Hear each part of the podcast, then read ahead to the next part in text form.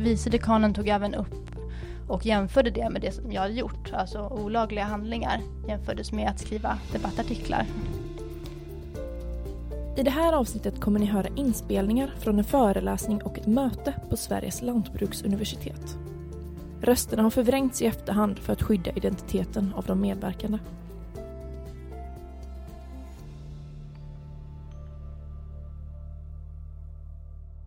Hej och välkomna till ett nytt avsnitt av Centrum för rättvisas podd. Jag heter Violetta Bukera och med mig i studion idag så har jag Helena Myrin och Felicia Hogrell. Idag ska vi prata om fallet Felicia Hogrell mot Sveriges lantbruksuniversitet.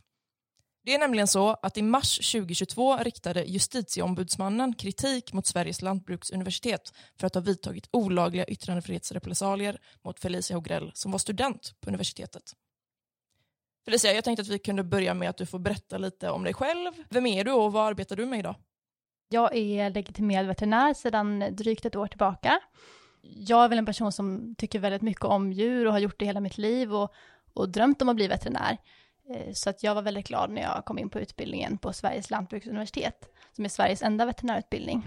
Jag blev som sagt färdig då för ett år sedan och nu så arbetar jag mest med akutsjukvård. Eh, mycket hästar, men även eh, lite andra djurslag också. Okej, så hela den här historien började med att du som veterinärstudent skrev två debattartiklar som publicerades i Expressen. Varför gjorde du det? Ja, det är så att under det femte året på veterinärprogrammet så har alla studenter praktik eller utbildning på ett slakteri som är en vecka. När jag var där så, så får vi alla följa slakten från att det är levande djur till att man får kontrollera köttet efteråt, så att hela processen. Då är det framförallt slakten av grisar som jag reagerade på och eh, som även är ganska omdiskuterad inom veterinärvärlden. För att metoden som vi använder för att eh, göra grisar medvetslösa inför slakt, det är att de eh, åker ner i ett schakt med hög halt utav koldioxid. Och vi fick på slakteriet titta ner i det här schaktet också och se hur det går till. Och grisarna får väldigt panik utav den här gasen, för att den är invasiv mot slemhinnor och så, frätande, och de kvävs tills de förlorar medvetandet och det tar ganska lång tid det är någonting som man, som är ganska jobbigt att se för alla som är där. Men det är ju något som berör alla som äter kött. Men de flesta kanske inte vet om hur det faktiskt går till. Och därför så kände jag att jag ville berätta om det här och kom fram till att jag kunde skriva en debattartikel för att väcka samhällsdebatt kring frågan. Så, så det gjorde jag då. Så det blev en debattartikel i Expressen. Där beskrev jag mina upplevelser eh, ifrån slakteriet och hur de här upplevelserna är ju också, det är ju fakta om hur det ser ut som grundar sig på även forskning ifrån SLU, mitt universitet, som visar att den här bedömningsmetoden är väldigt plågsam för grisarna. Så därför så skrev jag en text om, om hur det går till när man slaktar grisar. Efter att de här debattartiklarna hade publicerats i Expressen så ställdes du till svars under en föreläsning. Vad var det som hände där egentligen? Ja, efter att eh, min debattartikel hade publicerats så blev det ganska mycket diskussion och uppmärksamhet kring det här. Det är också det som man kanske vill när man skriver en debattartikel och jag ville ju väcka samhällsdebatt. Så jag är ju glad att det var eh, mycket diskussion och att den uppmärksammades.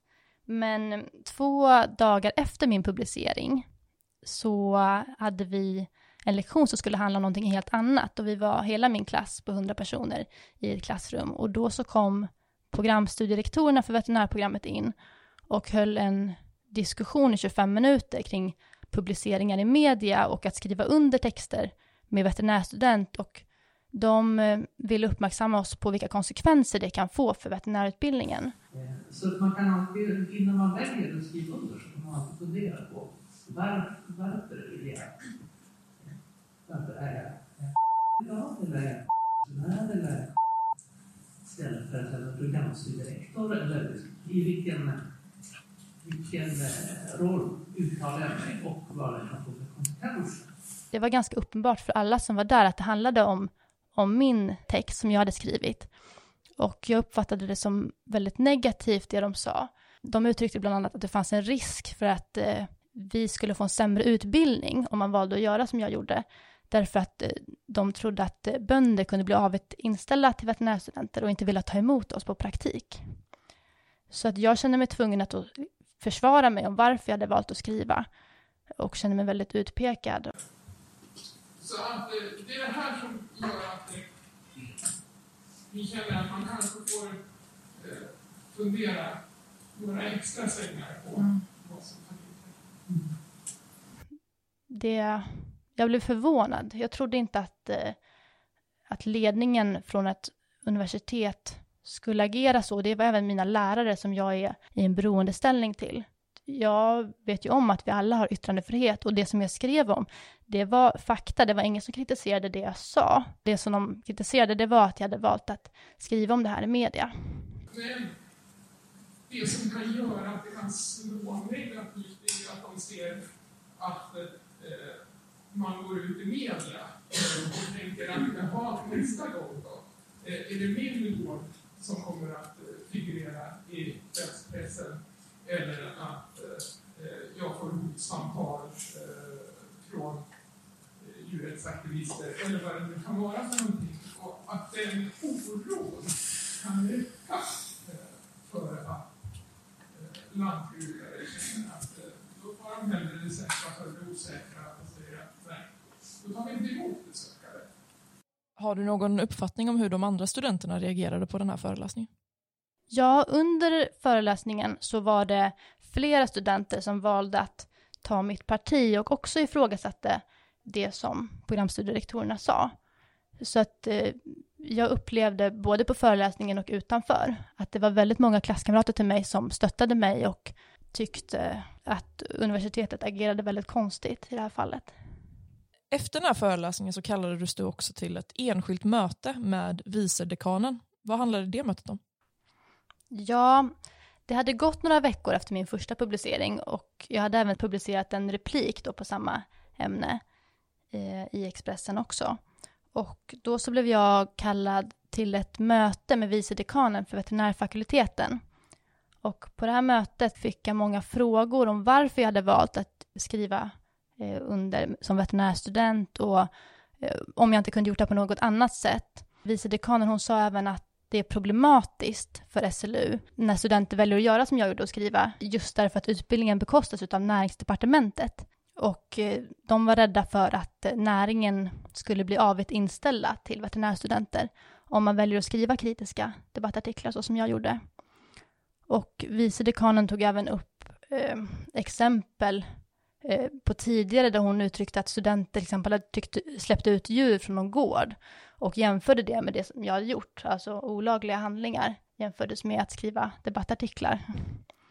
Eh, och jag kände mig ganska illa till mods under delar av det här mötet för att det kändes inte rätt att jag skulle behöva försvara mig så mycket för varför jag hade skrivit mina texter. Okej, så både under en föreläsning inför resten av dina klasskamrater och under ett personligt möte så ställdes du till svars för att du har använt din yttrandefrihet. Som student och som medborgare, hur upplevde du det? Ja, jag upplevde det som att Universitetet ville få oss att tro att veterinärstudenter har en mindre yttrandefrihet än övriga medborgare. Eh, och jag hade även hört så småningom från andra håll att det här är något, det var inte första gången som universitetet agerade på liknande sätt. Och det har hänt även tidigare. Så att eh, jag kände att det var något systemfel, att eh, de vet ju inte hur yttrandefrihet fungerar. Så att jag funderade på på om det här verkligen var rätt det som hade hänt och började söka lite grann på vilka regler som gäller. Förstår jag det rätt om att du upplever att det finns ett generellt problem med studenters yttrandefrihet? Ja, jag upplever, i alla fall på Sveriges lantbruksuniversitet, att det finns ett generellt problem med studenters yttrandefrihet. Och kanske även veterinärers yttrandefrihet. Efter de här händelserna så vände du dig till Centrum för rättvisa. Varför gjorde du det? Ja, man är inte så stor som en enskild student eh, mot ett statligt universitet. Så det kändes lite svårt att driva det här fallet själv. Och så blev jag tipsad om Centrum för rättvisa. Så därför så valde jag att skicka in en ansökan för att se om ni kunde hjälpa mig med det här fallet. Helena, du är jurist på Centrum för rättvisa och har arbetat en del med det här fallet. Hur bedömde du Felicias ansökan? Ganska omedelbart efter att eh, jag hade fått del av de här ljudfilerna som Felicia skickade med från den här föreläsningen och enskilda mötet, ehm, så var det någonting som kändes fel här. Det var ju då företrädare för ett universitet som inför då eh, en hel eh, årskurs, i princip på runt 100 studenter, pratade på ett sätt om eh, yttrandefrihet och hur veterinärstudenter ska tänka på konsekvenserna innan de går ut i media. Och även visade oro för hur det skulle skada näringen om veterinärstudenterna gick ut och på något sätt kritiserade lantbrukare. Och Eh, det här var ju någonting som eh, tittade närmare på och eh, tittade särskilt då på något som heter repressalieförbudet. Repressalieförbudet är ju lite så som det låter, det är ett förbud mot repressalier, alltså från ingripanden eh, mot enskilda för att de har använt sin yttrandefrihet. Och det är ju då eh, det allmänna som, som förbjuds att eh, vidta sådana här åtgärder som kan uppfattas som att man Eh, Eh, avskräcks från att yttra sig eller som att det är ett uttryckt missnöje för att man har gått ut i, i media till exempel. Och eh, det här var ju någonting som dels då under en föreläsning så kan det framstå som väldigt skrämmande att liksom som någon form av social sanktion att utsättas så som Felicia eh, blev eh, ja, mer eller mindre påhoppad eh, direkt efter hon hade skrivit en debattartikel så kommer det här ut. Så det fanns ju ett, ett klart samband där. Sen så var det också, när vi, man tittar närmare eller lyssnade på ljudfilerna från det här mötet med vicedekanen, så framkom det också att det var ju många frågor som handlade om liksom syftet, varför skrev du det här? De pratade om att Felicia borde ha nått en viss akademisk mognad och tänka på konsekvenserna och... I och med att du går femte året nu så har ju du kommit en, en lång väg i din liksom akademiska mognad för det det ett långt program. Så då måste man ju, man kan absolut välja en väg, man ska ändå vara medveten om vilka konsekvenser det får. Det betyder att man kan ändå välja vägen. Men det ingår liksom, det är därför vi frågar lite hur du tänker. Att det ingår att du förstår liksom lite kontexten och den påverkan det har på dina studenter, kanske på SLU, kanske på näringen. Det, det, innebär ju inte att vi säger att du inte får och det innebär inte att det kanske ändå är den bästa vägen. Men det innebär liksom i den akademiska mognaden att man ska förstå de olika aspekterna av det. Eh, och bara lugnt resonera. För sen så kommer man ju ner till att ja men visst, det var inte så bra det här kanske, eller inte just det här, det kanske inte var så bra att göra så här. Det var någonting som inte stod rätt till. Så att eh, vi bedömde att det här är så att företrädarna för SLU har klart gått över gränsen för repressalieförbudet. Men om man ger sig ut i media på det här sättet och skriver en debattartikel, ska man inte vara beredd någonstans på att få kritik? Jo, absolut. Det är ju självklart att man, man har ju då till exempel på SLUs sida, man har ju möjlighet att, att själv debattera eller skriva en debattartikel eh, om, om man tycker att det finns sakfel eller man inte håller med i sakfrågan. Eh, men det handlar ju inte det, det här fallet om, utan man kritiserar ju att Felicia faktiskt har yttrat sig i media. För det är ju självklart att är det så att det är någonting som behöver redas ut, att det är någon som, till exempel en anställd eller student som har yttrat sig om eh, eh, några interna missförhållanden så har man självklart möjlighet att reda ut det eh, med, med den personen som har beskrivit det här. Eh, eller om det är några tydliga sakfel som man vill bemöta så har man möjlighet att göra det. Men i det här fallet så har ju också Felicia, hon har ju dessutom eh, baserat sin eh, artikel i Expressen delvis på en rapport som universitetet själva står bakom. Så det finns ingen som helst anledning för SLU att, eh, ja, att gå till en sån attack som de gör. Varför var det viktigt att få prövat om universitetet hade överträtt repressalieförbudet? Det finns en hel del praxis vad det gäller då eh, myndighetsanställda, deras skydd från sådana ingripanden. Men det, det, saknades motsvarande praxis när det gäller eh, högskolestudenter. Alltså när de har gått ut i media så var det väldigt oklart då det som framgår när man tittar på tidigare praxis och det som man vet om repressalieförbudet från tidigare, det är ju att det är ju en princip som, som även bör träffa en sån situation där man har studenter som är i en beroendeställning till, till företrädare för deras universitet eller högskola. Men det fanns ingen tydlig vägledning.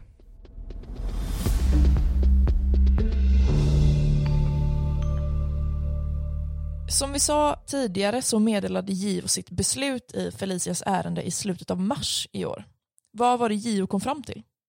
De bekräftade ju inledningsvis då att veterinärstudenten de var i ett sånt beroendeförhållande till företrädarna för SLU att det träffades eh, av repressalieförbudet på motsvarande sätt då som om en myndighetsanställd då hade utsatts för repressalier av sin närmsta chef till exempel. Eh, sen så kom de också fram till då att SLU hade då klart överträtt repressalieförbudet, både då under den här föreläsningen genom de här lite mer svepande, ska säga, indirekta uttalandena, eh, där man då också hade pratat om respekt för yttrandefrihet samtidigt, eh, och under det här enskilda mötet med eh, vice dekanen. Och det som är intressant där var ju också att JO de fångade upp just det här att programstudierektorerna under föreläsningen hade på ett sätt försökt att prata som att SLU visst respekterade yttrandefriheten och att studenterna hade rätt att gå ut i media samtidigt som de pratade om att man måste tänka efter före, man måste hantera saker internt eh, och att man inte får skriva under som yttrande eller som veterinärstudent. Och eh, slutligen då så såg JO väldigt allvarligt på det faktum att flera andra studenter utöver Felicia då eh, kunde ha avskräckts från att använda sin yttrandefrihet eh, genom de här uttalandena under föreläsning och det var någonting som JO då såg väldigt allvarligt på.